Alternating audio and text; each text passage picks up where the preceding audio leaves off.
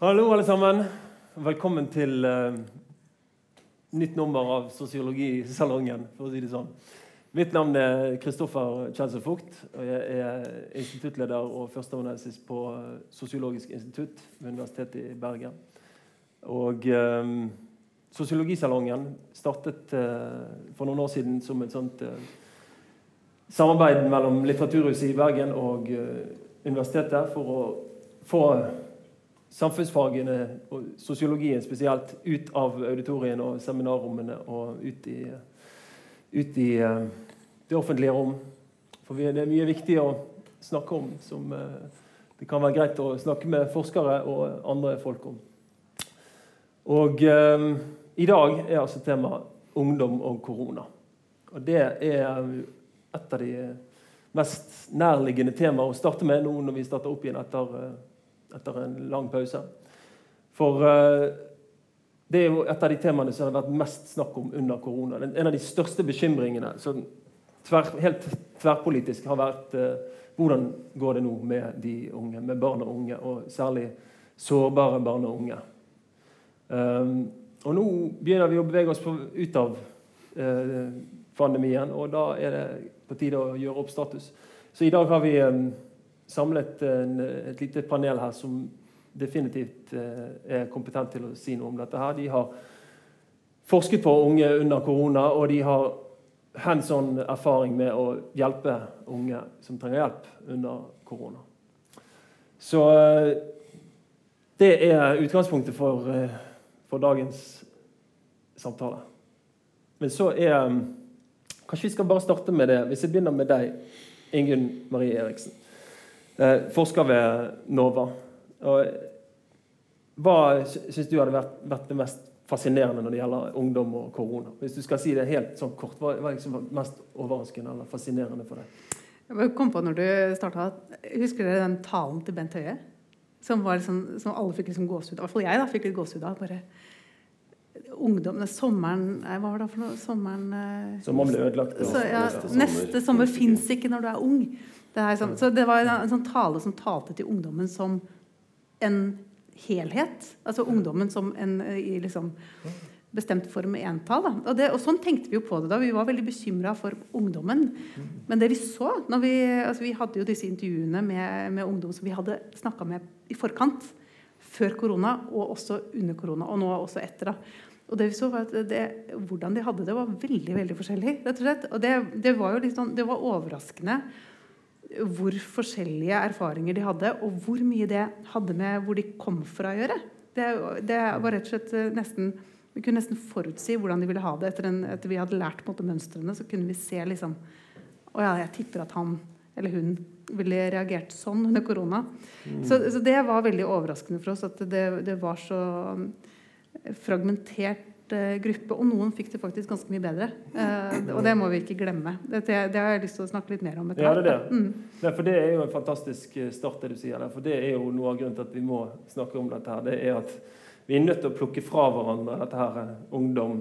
Hva, altså, det er så utrolig mye forskjellig, og det avhenger av eh, sosial bakgrunn og av kjønn. og og ikke minst av sted i landet. Sant? Mm. Enormt forskjellige, forskjellige, steder. Så det må vi komme tilbake til.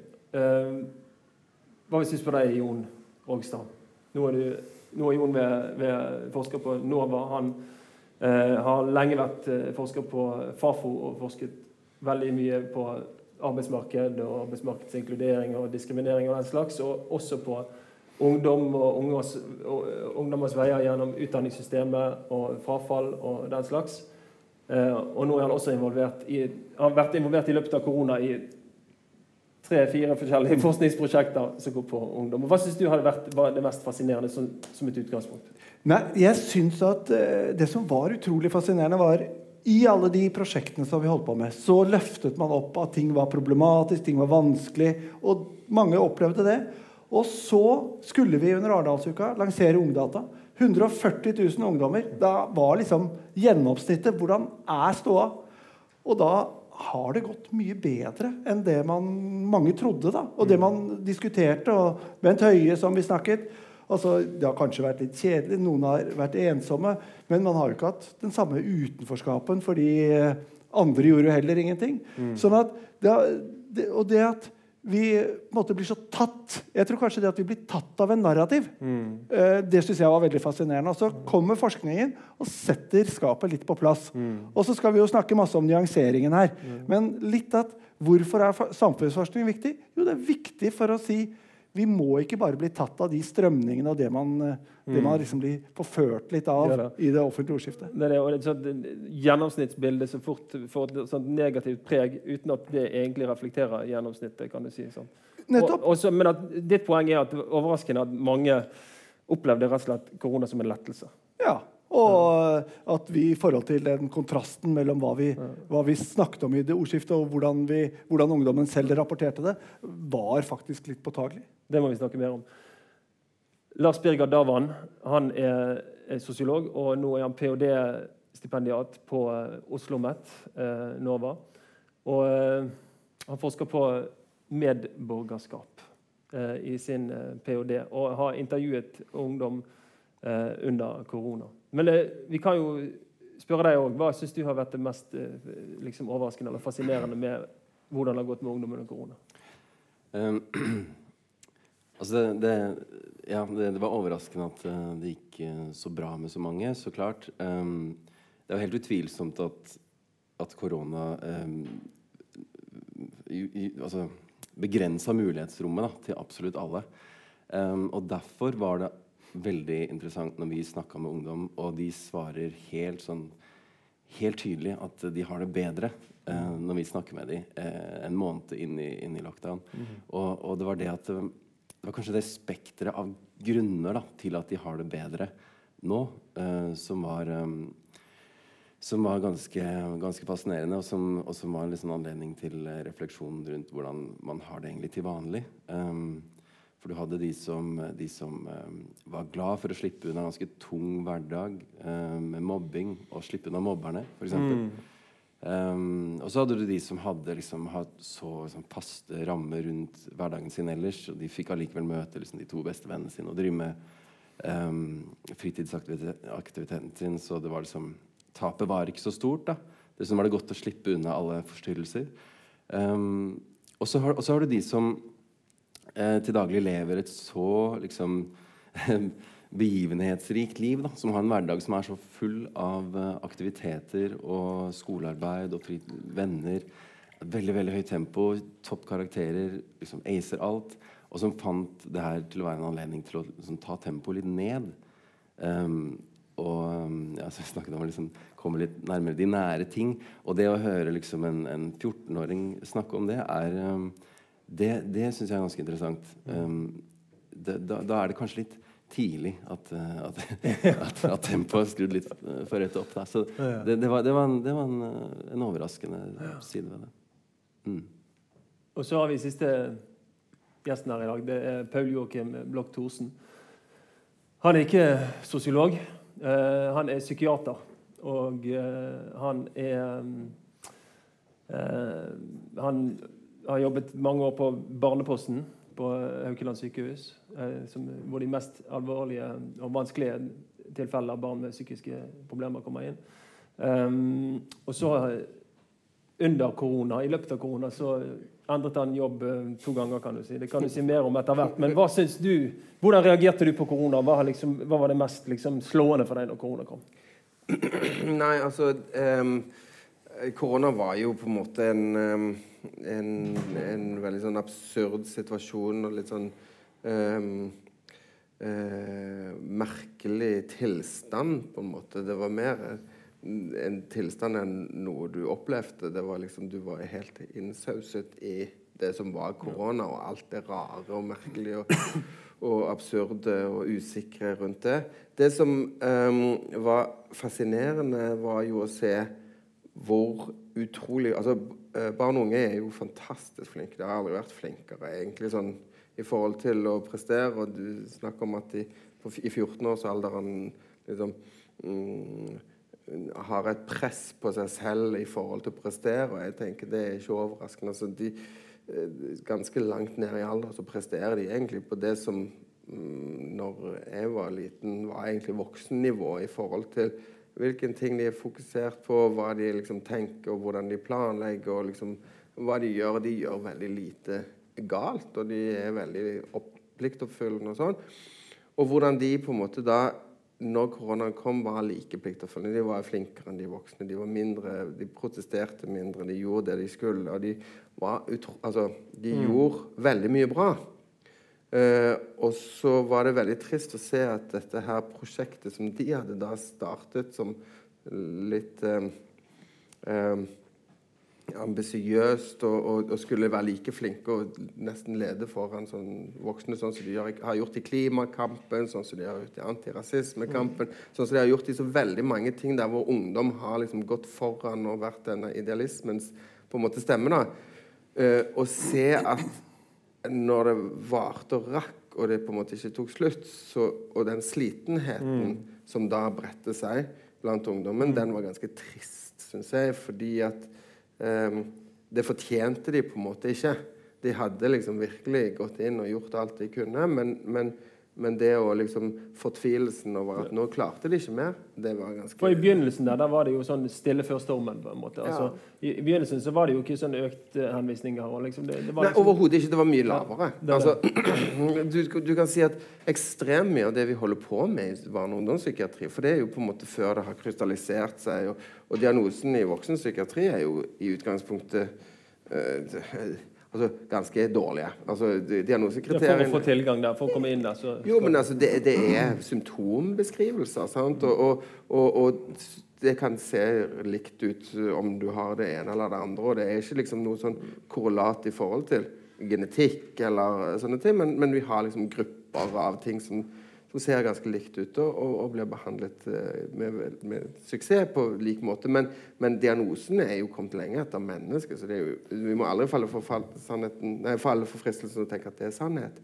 Men i barne- og ungdomspsykiatrien er det jo enda verre. Der er det jo helt kaotisk, dette symptombildet. og det er liksom på en måte Eh, Så veldig mye av det vi ser, er jo reaksjoner på stress. Det er jo barn som er symptombærere av foreldre sitt slit, på andre psykososiale belastningsfaktorer, ting som på en måte skjer i samfunnet som ikke er helt bra, som barnene på en måte bærer fram som på en måte fyrtårn av liksom, dette er ikke bra.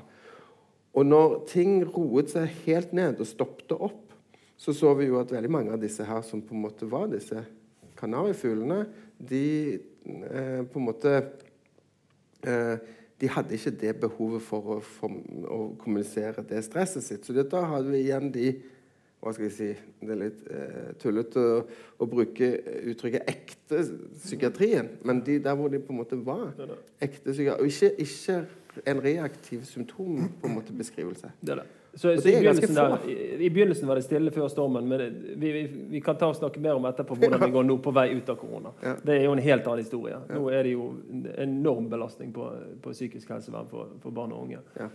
Eh, Men la oss gå litt eh, til, til eh, Ingunn her. For Ingunn er jo da prosjektleder for et prosjekt som heter Ungdom i endring. Som er et stort kvalitativt, longitudinelt prosjekt. Og det er et veldig langt og vanskelig ord. Men kanskje du kan fortelle litt om det prosjektet, Ingunn, og hvordan plutselig korona ble, ble, ble veldig aktuelt i, i det her.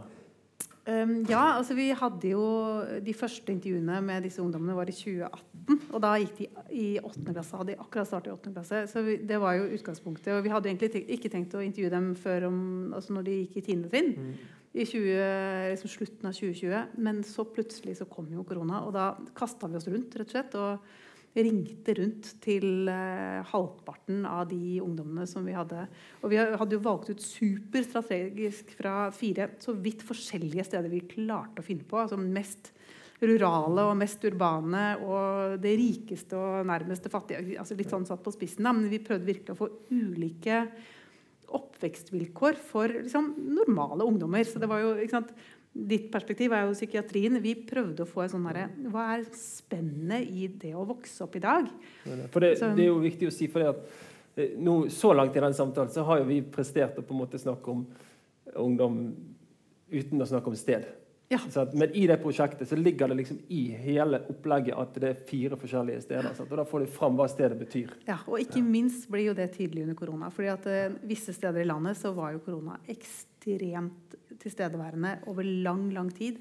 Og andre steder, som også i vårt datamateriale, så var det en periode på hva var det, seks uker eller noe sånt, når det var nasjonal nedstenging. Hvor det var på en måte korona. Og så var det nesten ferdig. ikke sant? Det var noe i media mer enn i faktisk realiteten. Mm. Så, så det, det, var jo en enorm forskjell. Men vi har jo også intervjuer fra det tidspunktet i løpet av de seks ukene hvor det var likt. Uh, og ikke bare kom de fra fire ulike steder, men de kom jo også fra veldig ulike familieforhold. Så ut ifra det så, så vi liksom veldig satt på spissen fire veldig ulike typer av ungdom. Uh, jeg vet ikke om jeg har tid til å mm. gå ja, inn i det. Ja. Altså, en, eh, en som, av disse typene er jo den som dere har snakka litt om. Disse superflinke, veldig eh, prestasjonsorienterte, veldig relasjonelle, som fikser alt Veldig masse stress, veldig masse baller i lufta. Sosialt, faglig, fotballen. ikke sant. Alt. Veldig mange jenter. Og dette her er jo en gruppe som vi også kjenner igjen. Jeg har også forska tidligere på psykiske helseplager og sånn stress og pressproblematikk. Ikke sant? Dette er en gjeng som har typisk litt sånn høyt uh, sånn stress- og press-nivå. Mange psykiske mm. helseplager og, og, litt sånn. Så dette her var en gjeng som vi Jeg tror kanskje det var noe av det som overraska meg aller mest. Mm. Var hvordan de bare Åh, gud, så digg. Under mm. korona. Mm. Endelig så kan jeg bare Greit, jeg får jo uansett ikke møtt venner. Det er mm. no fomo. liksom. Jeg kunne bare sitte her og jobbe med skole, som jo dette her var en gjeng som var veldig skolefokusert. Og kunne gjøre det med god samvittighet. Trengte ikke å gå på håndballtreninga. Trengte ikke å være sammen med vennene mine.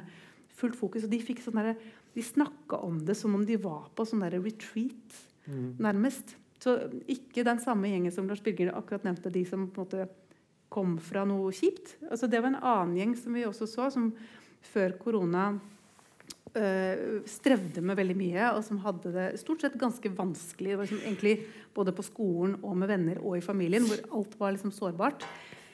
Det var en gjeng som vi også ble liksom overraska over. fordi dette var jo sånn som vi frykta at denne gjengen ville komme til å gå veldig dårlig med. Å shit, Det var liksom mm. skummelt å ringe. Hvordan går det egentlig med disse her? Mm. Og det vi fant, var at guttene så vi da de var i åttende klasse og tolv år. Det var jo gutter som spilte veldig mye, men ikke nødvendigvis sånn sosialt. Altså gama. Men ikke nødvendigvis sosialt. altså Satt mye for seg sjøl og gama. Så så vi da liksom, året etter at det, de fortsatte egentlig bare med det. Det, det endra seg jo ikke så mye for dem. fordi at det var jo på gutterommet de hadde opplevd livet sitt, egentlig. Og det fortsatte. Og det er jo ikke nødvendigvis noe superpositivt. Men det var i hvert fall ikke sånn voldsomt stor endring i det. Det var egentlig verre med de jentene som vi plasserte litt i den samme sårbare kategorien, som var veldig innsausa i sånn drama og i og for seg mobbing og veldig mye sånn greier og, og sånn problematiske ting de, de, hadde veldig vanskelig under den tida. For det var mye med sosiale mm. medier, det var mye om å se seg selv, det var mye kroppspress. Og det derre mm. konstante møte seg selv i, på Zoom eller Teams eller hva de brukte, mm. det ble jo veldig vanskelig for dem. Mye som sminke seg masse før de skulle ha undervisning, og så vaske deg etterpå, og så ikke møte noen. Ja, ikke mm. møte opp til undervisning og sånn. Og så hadde vi da, eh, for å skippe litt eh, fram i tid den gruppa som vi, vi, så på som som veldig veltilpassa eh, sånn, ganske sånn tradisjonelt orienterte bygdeungdom. Mm. Som var som en egen type som Det syns nesten er den mest interessante. fordi disse her var liksom gutter og jenter som så for seg karrierer som var veldig kjønnsdelte. altså på bygda. Guttene skulle ofte jobbe i sånn industri eller håndverker. Eh, klassiske sånn maskuline arbeiderklasseyrker. Og så skulle jentene liksom ditto. I, de skulle bli frisør eller barnehagelærer. Liksom, sånne ting. Mm.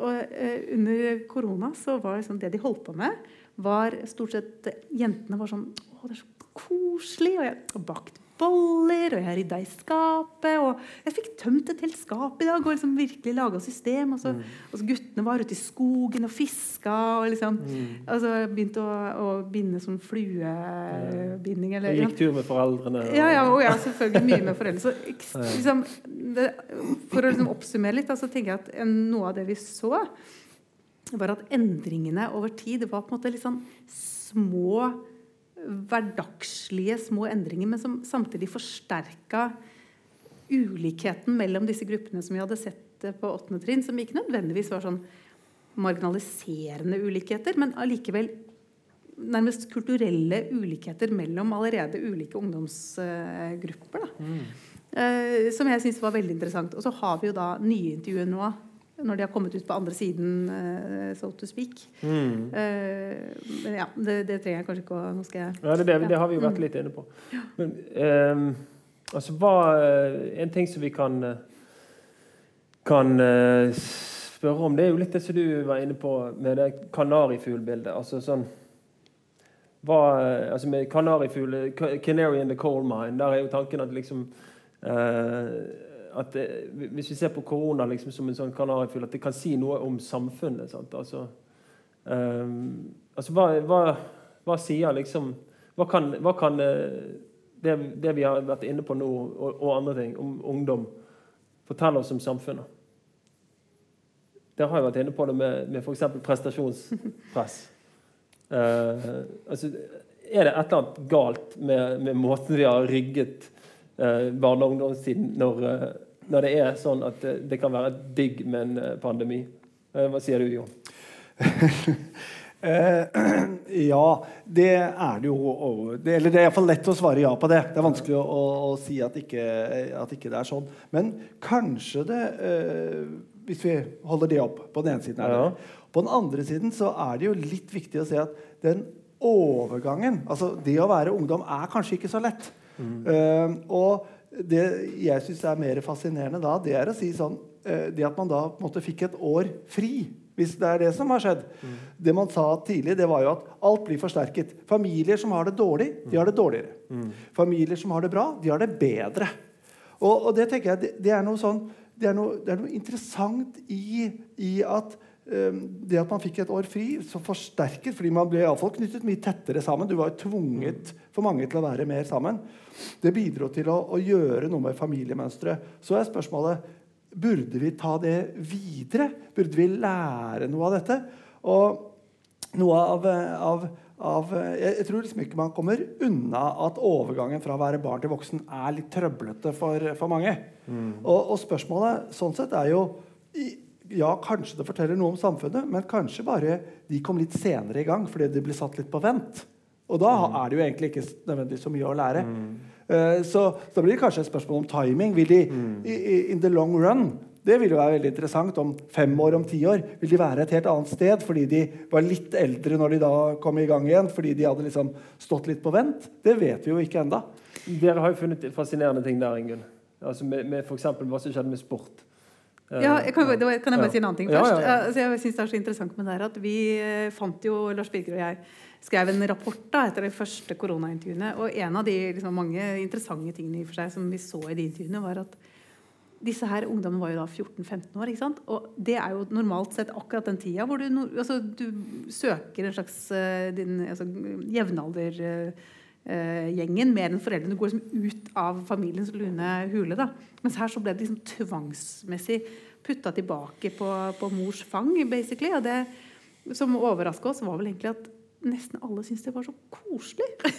og det er egentlig sånn, jeg tenker jo, fordi det er jo en litt sånn det er jo en av de tingene som er litt smertefulle med det å bli ungdom, er at du blir liksom øh, på en måte skjøvet ut, og på en måte så blir du, drar du altså push and pull da, ut, av, ut av hjemmet.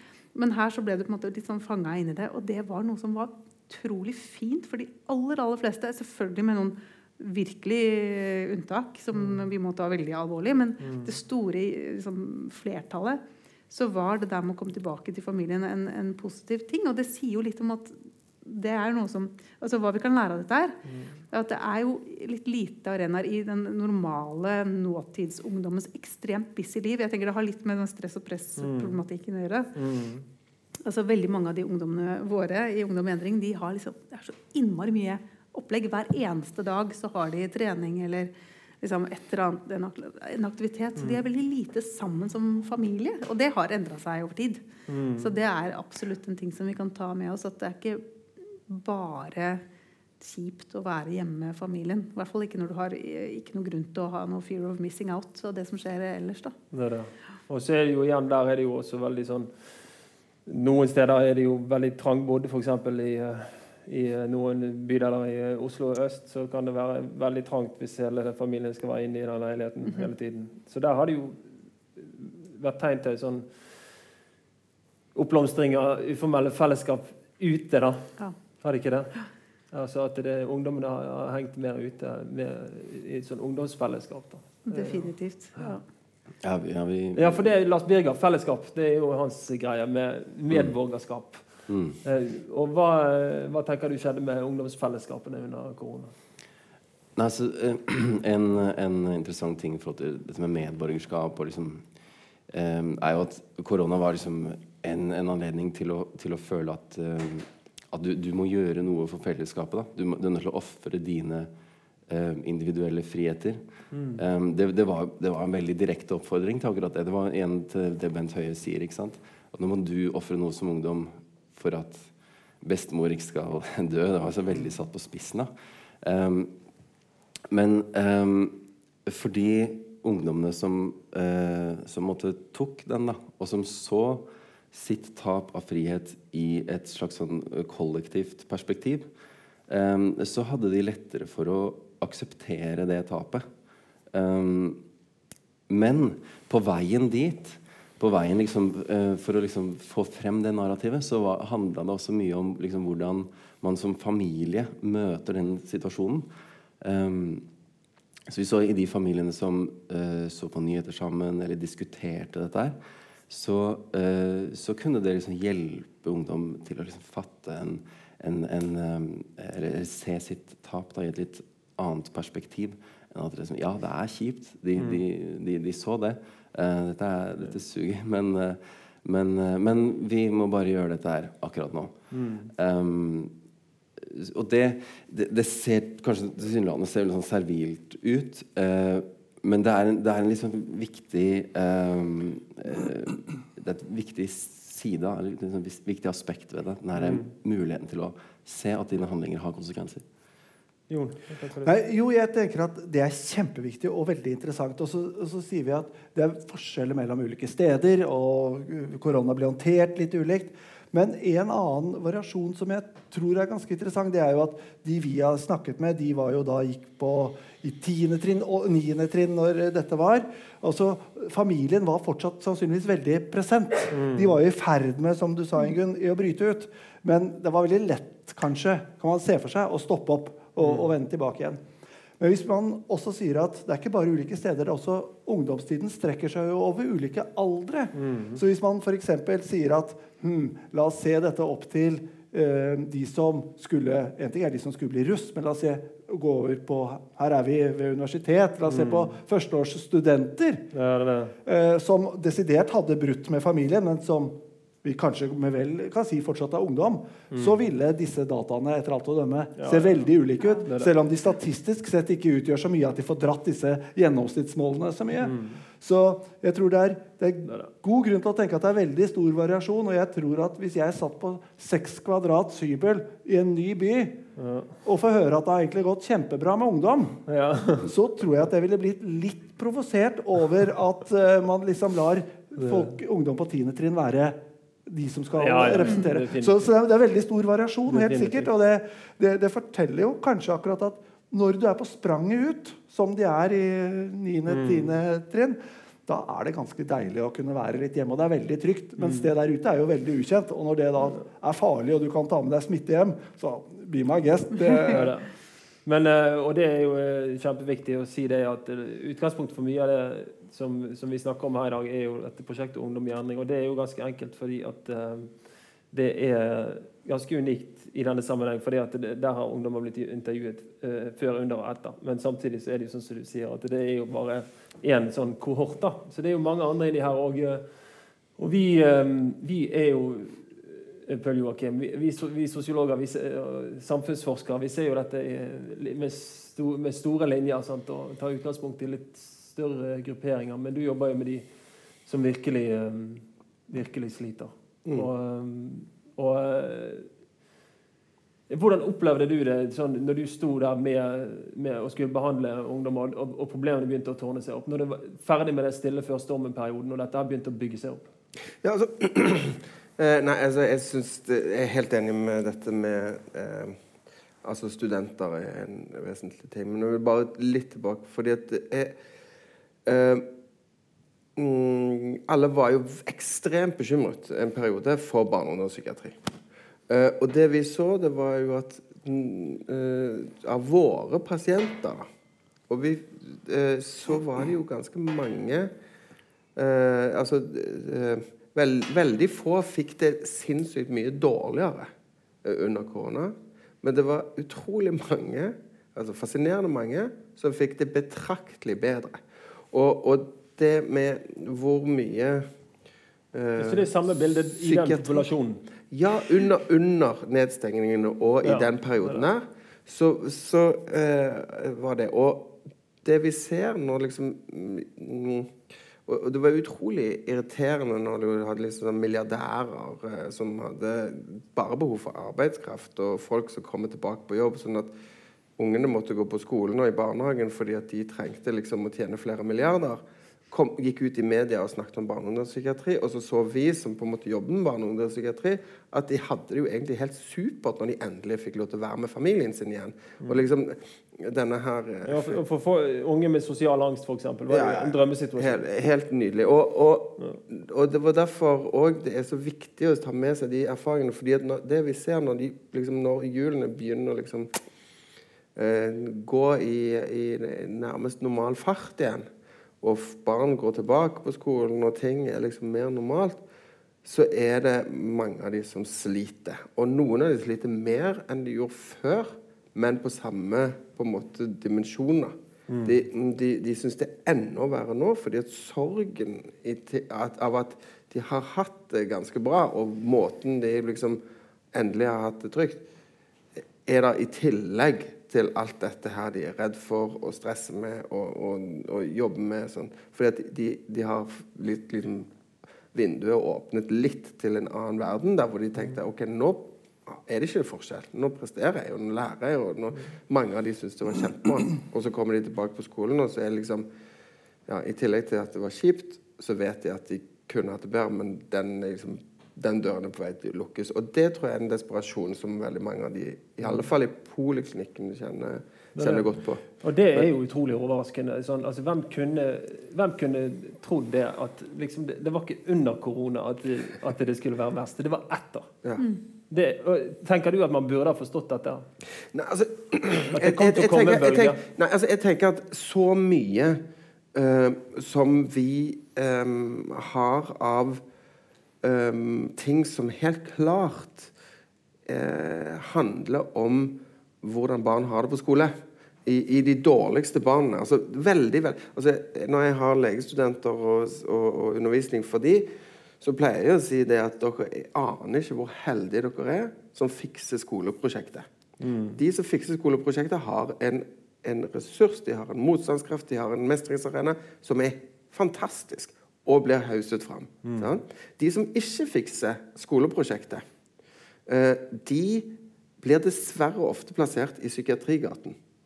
Og det er ikke sikkert alt det er psykiatri, men, men, men vi får liksom bestillingen om å fikse det.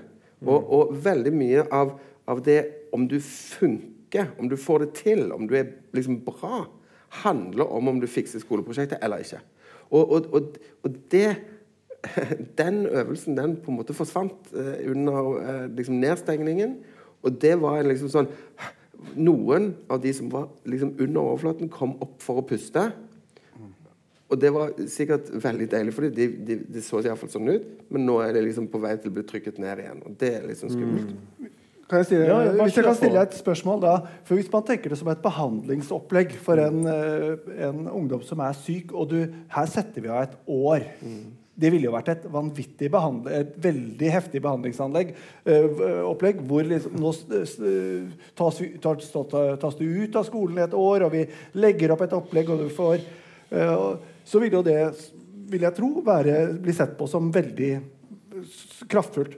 Eh, Så forteller dette også noe om hvor vanskelig det er hvor, hvor vanskelig det er å behandle akkurat denne ungdommen. Fordi, og at eh, et av de store problemene eh, Du var opptatt av liksom, hva dette forteller om samfunnet og skolen. altså Når, når skolen skal være det eneste saliggjørende for alle altså 98% går over til videregående skole. Og eh, Det er jo ikke så rart at en del sliter med å gjennomføre det, fordi at det er jo en veldig heterogen gruppe.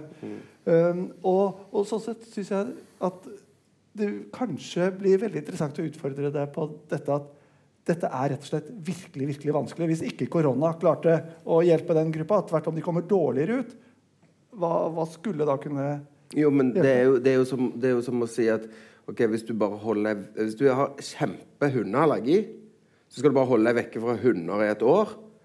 Og så når du kommer tilbake, da kan du hoppe inn i en hundegård, og så har du ikke allergi. Det er litt det samme. Altså, når, når skaden blir gjort av skolen, og det er liksom årsaken Det er ikke en iboende psykisk lidelse som skal behandles gjennom et år. Men når skaden blir gjort av skolen, og du kommer liksom vekk fra skolen og endelig liksom blir frisk igjen, da, og kommer tilbake til det som du ikke fikk sett altså, Da er svaret at dette er en gruppe som vanskelig kan gå tilbake igjen på skolen slik den er. Sånn som skole. Og det er jo det, det er jo, dette er jo et glimrende eksempel på det med det kanarifugl i, i kullgruven. Som varsler når noe er, er fundamentalt galt. Og det som du snakker om, er jo at altså, skolen rett og slett altså, Hvordan skolen håndterer mangfoldet av evner og, og forutsetninger og interesser blant unge. Ja. Sånn, og den er, det er så mange nå som, som, blir, uh, som ikke passer inn i den formen. Sant? Og det er det som har blitt avdekket. Uh, så å si med det der. Men Ingunn, hva tenker du? Nei, Et spørsmål, egentlig. fordi altså, En ting er jo det uh, prestasjonspresset og liksom stress og press-aspektet ved å være på skolen, som i hvert fall jeg har sett mye i min liksom, ting jeg har syslet med tidligere. Uh, og så har du det sosiale, som er en ganske annen arena, som av og til har krysningspunkter, selvfølgelig, men allikevel er jo en helt sånn mobbing og, og, psykososialt miljø på skolen.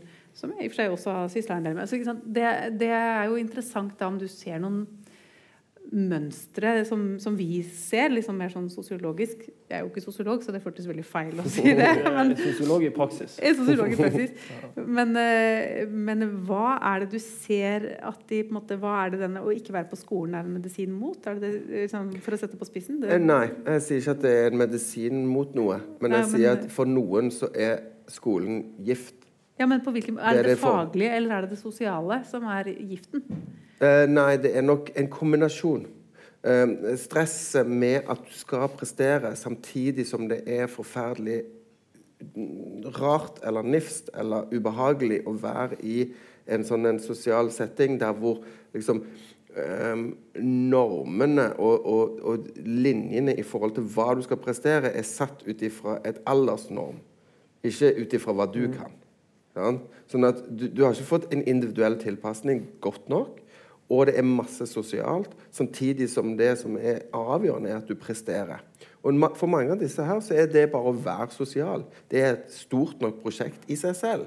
Mm. Og når du skal da jobbe knallhardt med det som er en kjempestor belastning, samtidig som du skal prestere og lære, så blir det rett og slett for mye. Så du kan lære i, på en måte individuelt. altså Du kan sitte på hjemmeskole og få god instruksjon og én-til-én og alt mulig sånn. Og mange av de trivdes jo med å lære. Sånn? Hvis du tok vekk denne. Og så kan du jobbe med det sosiale, som jeg mener er liksom de gode, trygge mestringsarenaene som er selvvalgt. Der jobber du med sosiale. Der hvor du har på en måte interesser som gjør at en time føles som fem minutter, og du kan holde på med le. Du blir ikke trøtt av det. Blir, altså, selvvalgte super, altså? Når du gjør det samme med andre som med det, kjempegod sosial mestrings- og liksom, utviklingsarena. Men pro problemet er at vi tenker at ja, ja, men vi kan lære masse, og så kan vi jobbe med det sosiale samtidig. Og for veldig mange så funker det, men for noen så funker det absolutt ikke. Og det må vi erkjenne, og så må vi liksom si da må vi gjøre det på en annen måte, tenker jeg da. Men en eh, inngang til å, til, eh, til å diskutere dette er jo det begrepet som vi hørte veldig mye under pandemien, og det var ikke bare ungdom, men sårbar ungdom. Mm. Hva Sårbar hva er egentlig det? Sant? Det er jo et begrep som kommer fra, fra utviklingspsykologien. Altså vulnerable, vulnerability. Sant? Men spørsmålet er jo eh, Er det et trekk ved individet, sant? eller er det trekk ved konteksten man snakker om? Og Du snakker jo egentlig om at det, det er konteksten Ja, nei, altså det er, en, det, er en, det er, noen sårbare som har på en måte en, en, en sårbarhet som gjør at de har emosjonelle vansker, de har på en måte utfordringer i forhold til angst og depresjon og, og, og, og alt det som ligger rundt der i forhold til kontroll og sånn.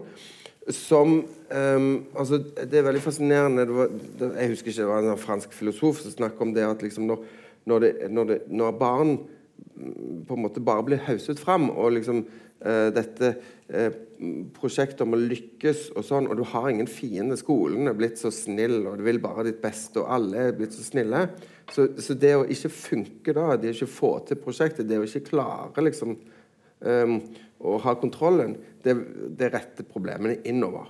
Og det er det andre vi ser. Vi har sett en økning av spiseforstyrrelser som er enorm. Vi hadde god kontroll på spiseforstyrrelsesprosjektet en periode, på tross av at liksom, du hadde sosiale medier og sånn. Jeg mener jo, jeg har jo vært ute og snakket om TikTok som en Ja, annen det- greie. Og, og, og den har ikke fått nok oppmerksomhet, dessverre, syns jeg, fordi at alt ble lagt i, i korona. Men korona har vært liksom bensinen Ja. på denne gnisten som var TikTok, som, som Ja. kunne kanskje vært en flamme, og, og, vært sånn, for vi så tendensene før korona.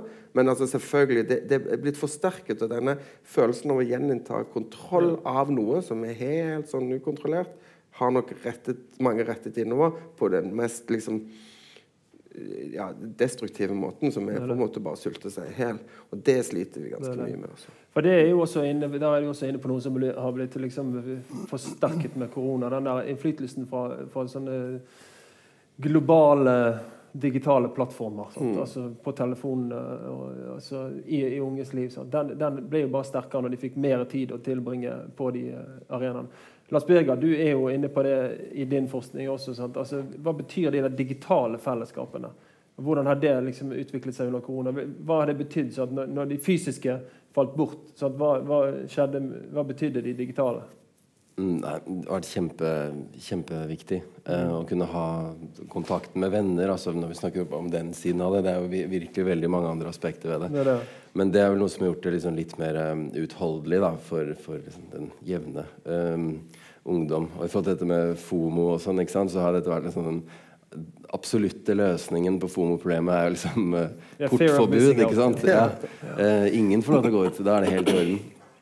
Uh, men, men nei, nei, det har, det har nok vært viktig. Um, men, men i, relasjon til det og det jeg sa i stad om, om medborgerskap og liksom det å forstå seg selv i et sånn større narrativ av samfunnsdeltakelse og sånn, så har, har, har det vært viktig liksom, dette med nyhetskilder da, og hva, hva, hva liksom ungdommene får av informasjon om hva som faktisk foregår der ute i verden. For det er på det de baserer liksom, sin, sin forståelse av av um, ja, ja, den situasjonen de er i, og det tapet de er nødt til å, å gjennomgå.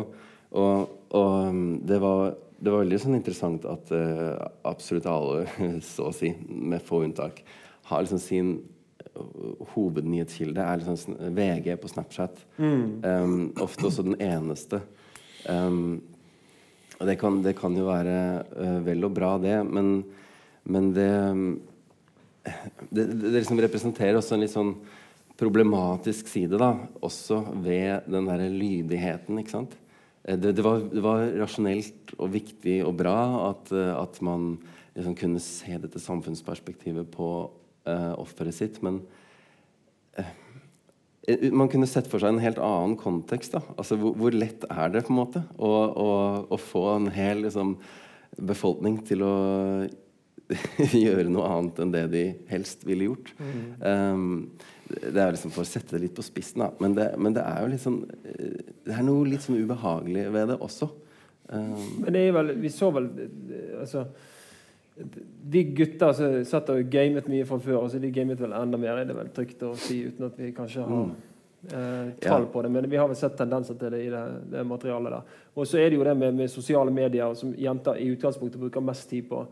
Mer tid på det, og da også de skadelige virkningene av det for selvbilde osv.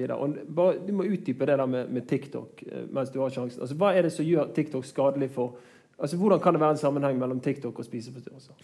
Altså, det er nok en sammenheng mellom alle på en måte um, sosiale medier og forskjellige former for Men jeg, jeg tror at det uh, Altså det, det er nyanser i de sosiale mediene som er veldig viktig å få fram. Og TikTok har kommet som en på en måte em, reaksjon på Instagram. fordi at Instagram altså det, det, For det første så var det en sånn medie som var i forhold til dans, og, og etter hvert ganske mye sånn memes. altså det, det var veldig Å gjøre narr av seg selv. Og da fikk jo det en oppblomstring fordi at Instagram had, handlet om å være, vise seg så utrolig perfekt. Mm. Og det å kunne vise at du hadde liksom, var tjukk eller valker eller noe sånt, det gjorde at, og, og, og alt skulle være så morsomt. Og mm. til en så grad at det er ingen som skjønner hvorfor det altså Bare de som var unge og i samme riktig alder, skjønte det, og andre fatta det ikke. fordi det var liksom, det var liksom den måten humoren var. Og det skapte en distanse. sånn at liksom, ja, men det er jo bare tull. Og foreldrene brydde seg ikke. Og, og derfor så kunne barn nede i ganske lav alder holde på med det uten at noen så på det så farlig. Alle var bekymret for å, Til og med NRK fant ut at Instagram hadde liksom noe med seg som var farlig. Men TikTok det var liksom, ja, det var jo bare morsomt og gøy. Og dansing. Og dansing er jo kjekt. og sånn. Men det, så det, Ja. det, det virket ufarlig. Det andre var at det var sammenligning hele tiden. Det var liksom disse duettene sant? Så som som gjorde at du sammenlignet deg med andre. Det var veldig oppfordret til å ta videoer der hvor du så på det samme med andre. Og så var det helfigur. Instagram Ja, ikke bare er, ikke bare ansiktet, eller at du står på toppen av et fjell og liksom med solbriller. altså sånn vel, Vellykket, het scenario. Sant? Men, inn, eh, men TikTok var liksom helfigur i et jenterom eller hva som helst, der du sto og danset. Sant? Og når du har denne sammenligningen der hvor du har en kropp som skal gjøre et eller annet, så sammenligner med noe annet, en annen kropp som er veldig tynn, og liksom disse influenserne som ser helt perfekt ut, sant?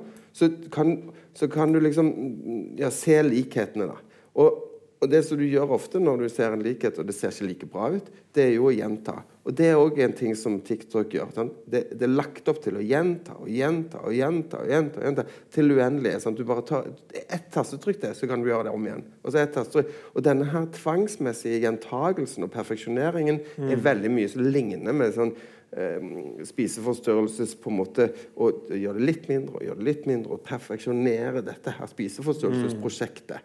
Sånn at det la opp til at liksom du skulle, skulle nesten bli sånn tvangsmessig eh, preget. Og sluttproduktet ofte var jo at det så ikke likt ut uansett. Og hva er konklusjonen da? Når alle bevegelsene er prikk like, men det allikevel ikke ser likt ut. Det er jo bare kroppen som på en måte igjen da blir liksom det som er. I tillegg til at algoritmen altså Vanligvis så søker du opp ting, og så følger du ting og sånn. Eh, på TikTok så er det en helt annen. Det er, det er en For you-page, heter det. Som, som på en måte Der hvor denne kinesiske algoritmen sier til deg hva du bør se på, ut ifra hva du har likt før. Og jeg pleide å si til, til unge voksne som har foredrag for, at hvis du skal finne ut om den typen du møter på byen, er rett for deg, så må du spørre om å få sveipe gjennom liksom, for you-pagene. For da får du, vet, du, vet du hva de egentlig tenker på og holder på med og, og interesserer seg for. For den er ganske aggressiv, den algoritmen. Men det handler om at når du da kommer inn på anoreksisider, som ofte er litt lange, og sånn, sånn at du blir fanget i algoritmen, så er det det som kommer opp. Og den er lagd sånn at det ser ut som det er dette som er populært i verden. Er. Men det er jo bare for deg. Så Det er det, det. det, var et litt langt svar, men Nei, nei, nei, men det, disse, disse er jo Plattformen er jo laget for at man skal få lyst til å tilbringe mer tid der, og ikke forlate dem. Mm. Og, og det, det er jo så at det går jo inn i dette med fellesskap, men det er jo veldig løse former for fellesskap, og, og illusoriske. Sant? For det, som du sa, så er jo innholdet tilpasset deg selv. Men altså, det motsatte av fellesskap er jo ensomhet. Ingunn, dere la jo fram Ungdata-undersøkelsen årets eh, på, på Arendalsuka eh, fra NOVA. Sant? Og, og der, der så dere noe med de altså, Hva skjedde med liksom trendene som dere har sett over tid eh, under det koronaåret 2020, når dere hadde våren 2020 i forhold til våren 19? Og, Altså, ja, det, jeg liker at du sier 'dere', men jeg har jo ikke egentlig noe med Ungdata å gjøre, annet enn at jeg jobber jo med folk som jobber med uh, Ungdata. Altså, er Anders Bakken som står bak den undersøkelsen. Uh, det- one big happy family. ja, men, eh, men nei, det, det som, som Jon var inne på helt i starten her, sant, var at Jøss, det var jo ikke så stor forskjell. Liksom. Nå er vi jo tilbake igjen. Ikke sant? Viste jo Ungdata sånn overall. Ikke sant? At eh, det ser ut som de, de eh, Sånn som det så ut i hva blir det, 2018? Ja, 2019. Nei, 2019, unnskyld. Var tilbake igjen i I 2021. Ja, i 2021. Ja, så, så 2020 var et sånt 2020 var en unntaksår. Ja, hvor for hvor eksempel, mange sant, Ensomhet har jo gått oppover, og så liksom wow, ekstra mye ensomhet i 2020, og så nå er det ned igjen der det var. Altså Med sånn? noen unntak. altså F.eks. det å delta i fritidsaktiviteter. eh, vet vi ikke, altså det tenker jeg at det er jo det, liksom det unntatt. Så, så var en av de liksom overraskende tingene synes jeg, var at mange av de trendene vi har sett over tid eh, liksom, Da mener jeg tiår. ikke sant? Eh, har på en måte fortsatt f.eks. Eh, ikke, dette er litt sånn tatt på husken, da, men psykiske helseplager for eksempel, som vi har sett at har økt helt vanvittig de siste ti årene. Helt enormt. Spesielt blant jenter så har det gått sånn voff opp. Og gutter har jo liksom også økt, men litt mer der nede. Og så kom korona, og så er det liksom litt sånn ekstremt. Men så har det på en måte fortsatt i samme retning etterpå. Og det, det syns jeg er litt sånn overraskende. At ikke, at ikke koronaåret var mer en sånn, sånn liksom rista ting litt mer opp i fortsettelsen også. Men det, det virker som på mange måter folk har bare falt tilbake igjen i de samme sporene som på en måte Ikke bare de samme sporene, men også de samme endringssporene. Mm. det syns det er utrolig interessant. Og det at psykiske helseplager fortsetter å, å øke, er jo altså eh, veldig interessant. Men bare apropos det vi snakker om nå, så tenker jeg at det vi har sett også gjennom Ungdata, men også kvalitative studier, er at det, det, det, er jo et veldig stort antall av ungdom som sliter med psykiske helseplager. Og det er på en måte ikke diagnoser, men mer sånn lettere plager som være bekymra mye, men ikke minst sånne stressting. ikke sant? Angste over ting. Og det henger utrolig tett sammen med skoleprestasjoner. ikke sant? Skolestress. Og Skolestress, basically. Og det med kroppspress eh, det er, også, det er veldig veldig tett korrelert. Men det er jo ikke så stor andel som det med skolepress. Så det er likevel på en måte skolepresset som kan forklare veldig mye av den populasjonen. Da. Eh, og det er jo interessant da hvordan dette er jeg, Eh, Bare, bare kommenter, fordi at veldig mange av de elendig dårlige spiseforstyrrelsene vi har nå, de er atypisk eh, anoreksi. Um, altså, de begynte ikke som et slankeprosjekt. De, de har andre grunner til å ta den kontrollen, virker det som, i veldig stor grad. Så det, at det er liksom mer en kontrollgreie, kanskje, enn et forsøk på å tilpasse seg et, et, et, et slankepress. Men det stemmer jo ikke med min TikTok-filosofi. sånn at, sånn at, men, men altså, før korona så, så vi mer de typiske. Nå etter korona så de som er skikkelig skikkelig dårlige, de er ofte ja, men de, de begynte jo ikke som et slankeprosjekt. De, men, men, så, så det er noe, det er noe Men i det, I det offentlige ordskiftet så har det jo på en måte vært to begreper som har vært mye oppå. Det har vært eh, kjedsomhet, som var koronakommisjonen med Peder Kjøs. og så var det ikke helt det han sa, men det var noe eh, De har bare kjedet seg litt, og så ble det litt forenklet, og så nyanserte de det litt. Men like fullt, det ble stående der. Og så, da Ungdata kom, så sier jo Anders Bakken at ungdommen var mer robust enn det man tror. Så det er liksom kjedsomhet og robust. Eh, og så snakker vi om gjennomsnittsforskjellene. Og noe av det som jo kan være ganske interessant, da, er jo å si at gjennomsnittet kan jo være trendene kan være ganske like, men det kan være større variasjon. Fordi de som har fått det dårligere, har fått det dårligere, og de som har fått det bedre, har kanskje fått det bedre. Så linjene kan være ganske like, mens, mens det er større variasjon. Og det, eh, så det er liksom det ene. Og det andre er at man kan jo tenke seg at det er noen som har byttet litt plass. Kanskje ikke akkurat fra topp til bånn, men, men at det har vært noen justeringer. Fordi når eh, Jeg har vært inne og sett på en del tiltak blant ungdom som ikke har det så ille som eh, de du møter i, i din praksis, men som sitter med en betydelig frafallsrisiko, så er det jo veldig interessant å se at eh, de nettopp profitterte på å kunne få mye mer tid med læreren. Mange av dem har avlagt eksamener som de sa at det hadde ikke jeg klart å få til. Det hadde ikke jeg gjort hvis ikke det hadde vært for den situasjonen som var. Og det som jo sosiologisk sett virkelig blir interessant, det er jo om de tar med seg dette, eller om de liksom går helt tilbake igjen. Eller om det er andre som måte, Noen har falt lenger ned, mens det er andre som faktisk klarer at de har blitt ett år eldre. De har nok blitt litt mer modne. Det er en litt annen situasjon som, som gjør det sånn at eh, det er noe eh, Nå har vi snakket veldig mye om alt det som har vært vondt og vanskelig, og spiseforstyrrelser. Men liksom, hvor stor andel, og hva er, hva er på en måte mest overraskende? Jo, det er kanskje den endringen, og det er kjempeviktig. Men å ha to tanker i hodet det, og kanskje tre og fire. mm. Hvor, hvor det, er liksom, det er ganske mange det er veldig annerledes med. Og, og som vi snakker om, det er kanskje noe å ta vare på fra hvordan skolen bør organiseres. Og det strenge, normative, ensartede løpet. Det, det funker kanskje ikke så bra for alle. Men eh, vi, vi må jo ikke ta på syne at det er eh, mange dette har gått veldig bra for. Og eh, kanskje det mest overraskende, hvis du skulle sette det på spissen, det er ikke at det er en del som har fått spiseforstyrrelser, men at det ikke er enda flere. Absolutt. absolutt. Og, og jeg, jeg, altså, um, vi, som, sa, som sagt, vi hadde litt uh, altså Iallfall i Bergen så hadde vi litt kontroll på dette spiseforstyrrelsesgreiene. og så det begynt, begynte det før pandemien, og så har det blitt veldig mye dårligere nå. Men jeg sier ikke, eh, jeg sier ikke at, at ehm, eh, det er veldig overraskende. Jeg tenker at eh, en, en, en sånn eh, For noen så har det jo vært nifst. eh, Foreldre som på en måte ikke vet hva som skjer, og andre. Altså det, det, for noen har det vært nifst, og, og det å få en spiseforstyrrelse handler jo veldig ofte om å gjenvinne en eller annen kontroll som du har mistet. Enten fordi at foreldrene er skilt, eller fordi at du, det, det er ting som skjer med deg som du veldig, eh, blir, blir skadet av, eller et eller annet sånt, og så tar du kontroll på det som er liksom det ultimate.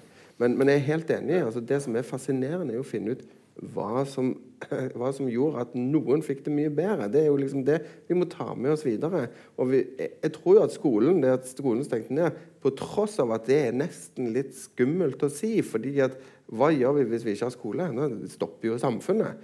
AS Norge liksom, økonomisk går jo under hvis liksom alle må passe på barna sine igjen. Og vi ikke kan hive dem inn i disse her læringsfabrikkene. Sant? Så det, det tør vi nesten ikke å si. Men, men jeg tror at for noen så var det veldig sunt at skolene stengte ned. Og det andre er jo på en måte som du sier at um, altså disse trendene med at jenter fikk det så dårlig, som begynte i ca. 2009, altså der hvor den knakk i forhold til liksom, Uh, gutter, det var jo helt sammenfall med innføringen av iPhone. Altså det var jo helt klart at det var da datamaskinen ble et motobjekt som damer ville ha. Ikke fordi at de skulle bruke den, men fordi at det var en sånn alle ville ha det, tenker jeg da.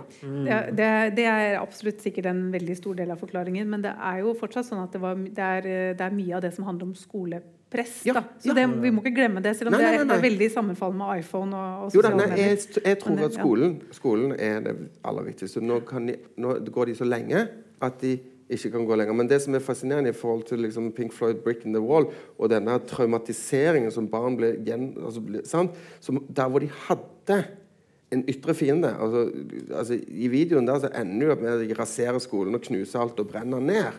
Sant? Og det å ha liksom denne her så de kan opponere mot og gå i, liksom, ah, i kamp mot nå den- Men vi er nødt til å begynne å runde av her, folkens. Men jeg tenker at vi kan ta en liten, jeg tenker vi tar en liten runde før vi runder av. Og så kan vi jo om vi kan utfordre dere liksom på det vi har sagt her. Liksom, hva er, hvordan vil dere oppsummere noe av det som kom fram i den samtalen? Vi har snakket om vanvittig mye forskjellig. Så var jeg liksom, Når vi sitter her etterpå og har diskutert alle disse tingene, hva, ten, hva tenker dere liksom eh, er verdt å ta med seg fra det vi har sagt, som oppsummering? Men du begynner, Jon. Du er så dreven på sånt. Nei, eh, jeg vil si at eh, det, det jeg tar med, det er at eh, vi, dette viser virkelig at det er nødvendigheten av flere tanker i hodet på samtidig. Og vi vet egentlig forbausende lite. Dette er et gigantisk eh, eller jeg vil jo ikke si eksperiment. Det ble et eksperiment som gir oss veldig rike data på, på, på å forstå hva som, hva, hva som skjer når folk settes under veldig stort press. Og, og vi har jo ikke snakket i det hele tatt om den overraskelsen av hvor, hvor, hvordan skolen egentlig hvor, hvor sendrektig skolen var til å klare å håndtere dette på gode måter. Eh, de liksom bare stengte ned, men kravet om at folk skulle, skulle være på veldig veldig forskjellig praksis. Og det, det syns jeg er veldig interessant. sånn at vi, Og de langtidseffektene av dette, om det er noen, de tror jeg vi skal være veldig varsomme med å rett og slett eh, spekulere på, på nå, fordi vi vet veldig veldig lite. Så, så det er jo masse mat for, for uh, sosiologer her å, se på dette. Og for psykiatere. er. Og. Du da, Ingunn. Hva tenker du? Nei, altså det er, det er egentlig en sånn ny tanke som dukket opp nå, da. Men det er jo interessant hvordan Norge er ekstremt opptatt av og på en måte beror litt på at skolen skal være den som utjevner forskjeller. Altså Skolen er det håpet vi har for å utjevne det vi har av, av sosiale forskjeller i Norge. Og vi, vi skryter jo veldig av og, og ser på en måte, Det er vårt liksom, speilbilde er liksom at vi, vi er så like, og det er så få forskjeller i Norge. Og det er skolen som er vårt primære verktøy for å få til å utjevne det som kanskje kommer da fra familien. Og så ser vi nå, da, pga. korona, så lærdommen er kanskje at ok, men, men andre siden av den enhetsskolemynten er at det er, kan faktisk være skadelig for en god del. Så kanskje vi må tenke på dette nå sier jeg liksom, skyter jeg litt fra hofta, men kanskje man må tenke på at man må ha en litt mer differensiert skole som også tar vare på de mm. som, som, blir skada av den måten skolen organiseres uh, i dag. Mm. Uh, det, det, er jo en, sånn, en måte man kan lære av det. Og ikke bare ut fra det vi har snakka om nå, men også altså de helt åpenbare liksom, virkelig syke ungdommene. men også den voldsomme veksten av psykisk helseplager som vi har vært inne på, som mm. ikke kanskje nødvendigvis er langtidsskadelig, det vet vi jo ikke ennå, men som er veldig plagsomt der og da, og som mm. forringer livskvaliteten til forferdelig mange ungdommer i dag. Ja. Så, så, det er jo en sånn tenker jeg at det er kanskje en hvert fall ikke så mye som lærdom så mye som en sånn herre eh, en, en, liten sånn ting som vi bør tenke på framover. Definitivt. En tankevekker. Og du da, Lars Birger, hva tenker du du har hørt her i dag og sagt? hva, hva, hva, vil du, liksom, hva tar du med deg herfra? da? Nei, um, um, nei altså jeg, jeg, tror Det er litt sånn farlig nå, for alle er egentlig drittlei av korona. ikke sant? Av å være i det. Men også begynner man liksom bli lei av å høre om det og snakke om det. Men det, men det er så mye å, å hente der. Så, og, vi, og, vi, er jo ikke helt ferdig med det ennå heller. Så vi må fortsette å se på, på, på hva som egentlig har, har, skjedd med oss de siste, de siste to åra. Um, for, det har vært uh, alt annet enn normalt. Selv om vi har vent oss til en, en normal som, som vi, ikke, ikke, vi selv kunne sett for oss for veldig kort tid siden. Mm. Og, og, jeg vil også liksom uh, så den ideen og liksom zoome enda lenger ut til dette her også. For at kimen til alt dette her var jo handler jo egentlig om liksom menneskets liksom uvettige omgang med naturen. ikke sant? Mm. Altså viruset. Um, Man spiser flaggermuser og sånn? Ja, ja, ja, ja, at, vi, at vi liksom fortrenger uh, områder som dyra lever på. Da. Dette her var jo en, en varsla fare fra FNs klimapanel. For mm. Det snakker om det i årtier. Det kommer til å komme mm. globale pandemier. Det kommer til å komme flere. Og, og, så liksom, Bare for å eh, dele den ideen der så det, dette, ja. dette, er også en konsekvens av klimaendringer og hvordan vi har med naturen å gjøre. Det, det bare, vi må ikke liksom glemme synet av deler oppi dette her. Det er helt sant. Og så det, går det jo også an å påpeke at vi har jo operert her i dag med en ganske streng nasjonal avgrensning. Ja. det fins jo ungdommer utenfor Norge, og de, vi har forsøkt å differensiere innenfor Norge, men vi kunne jo selvfølgelig diskutert det i et globalt perspektiv. Det hadde tatt enda lengre tid. Men uh, du da, Paul Joakim? Nei, altså, jeg syns bare det har vært utrolig spennende å være med her og høre på uh, dere som på en måte så til de grader ser på gjennomsnittet og til dels normale barn. For det er ekstremt viktig når du jobber med dette her. Og, altså, jeg, jeg, er jo stuptrener òg, og det er jo mm. altså, Det å kalle det normale barn er å dra det litt langt. Da. Det er jo en helt spesiell, egen, fantastisk fin eh, på en måte, kultur der. Ja, det er jo ofte ikke de samme som ville gått i de store idrettene. Det er en, en, en, en litt, litt har lyst på litt mer spenning og trives. Uh, comfortable with getting uncomfortable. Altså, det er noe med å, å trives der, i litt randsonen av liksom, flytgrensene. Sånn? Um, og, og, uh, så, så, de er ikke helt normale. Da er det veldig godt å høre på. For det, fordi at, eh, som jeg sa, våre diagnoser er jo Vi har jo ingen biologiske markører eller bildediagnostikk eller noe sånt. Så vi er jo referert opp mot en normal. Og kan du da ha en eh, altså, Du kan ha en, en, en, global pandemi i forhold til hvis alle har, er smittet av noe du kan ta en blodprøve av, men kan du ha en global depresjon hvis alle er like deprimert? Hvem er da deprimert? Fordi det, jo, det, skal jo være normert opp.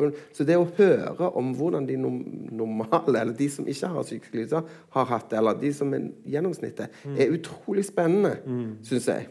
Og det gjør at det er, er på noen, som, på noen, måter tenker jeg hm, ja, kanskje jeg tar litt feil, men på den andre måten så tenker jeg at liksom, ja, men noen av de tingene som jeg føler på i min egen praksis, da, ja, ja.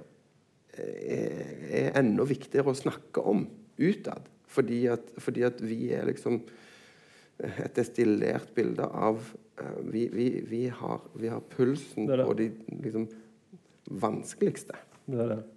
Vi, har 4-5 som er i kontakt med barne- og ungdomspsykiatrien. Ja, eller vi, vi er rigget for 5 Ja, det det. Og når vi snakker her om altså Når du sier gjennomsnittet, så, så er jo det Det men, mer det at vi har forsøkt også å plukke fra hverandre det gjennomsnittet. Mm. Og si at ja, det er gjennomsnittet, men, men det, det er liksom de der forskjellige grupperingene innenfor de 95 som, eh, som ikke er i kontakt med Men de er iallfall ikke plukket ut pga. at de har en psykisk lidelse. Nei, det er det det. er det som er poenget. Det er det. Sant? Altså, de er ikke plukket ut. Og det å, å, å, å plukke fra hverandre sånne gjennomsnitt og se hva som skjuler seg bak, det, det kan vi fortsette med på mange andre sosiologisalonger. Men nå er må, tiden for denne sosiologisalongen ute, så vi må avslutte.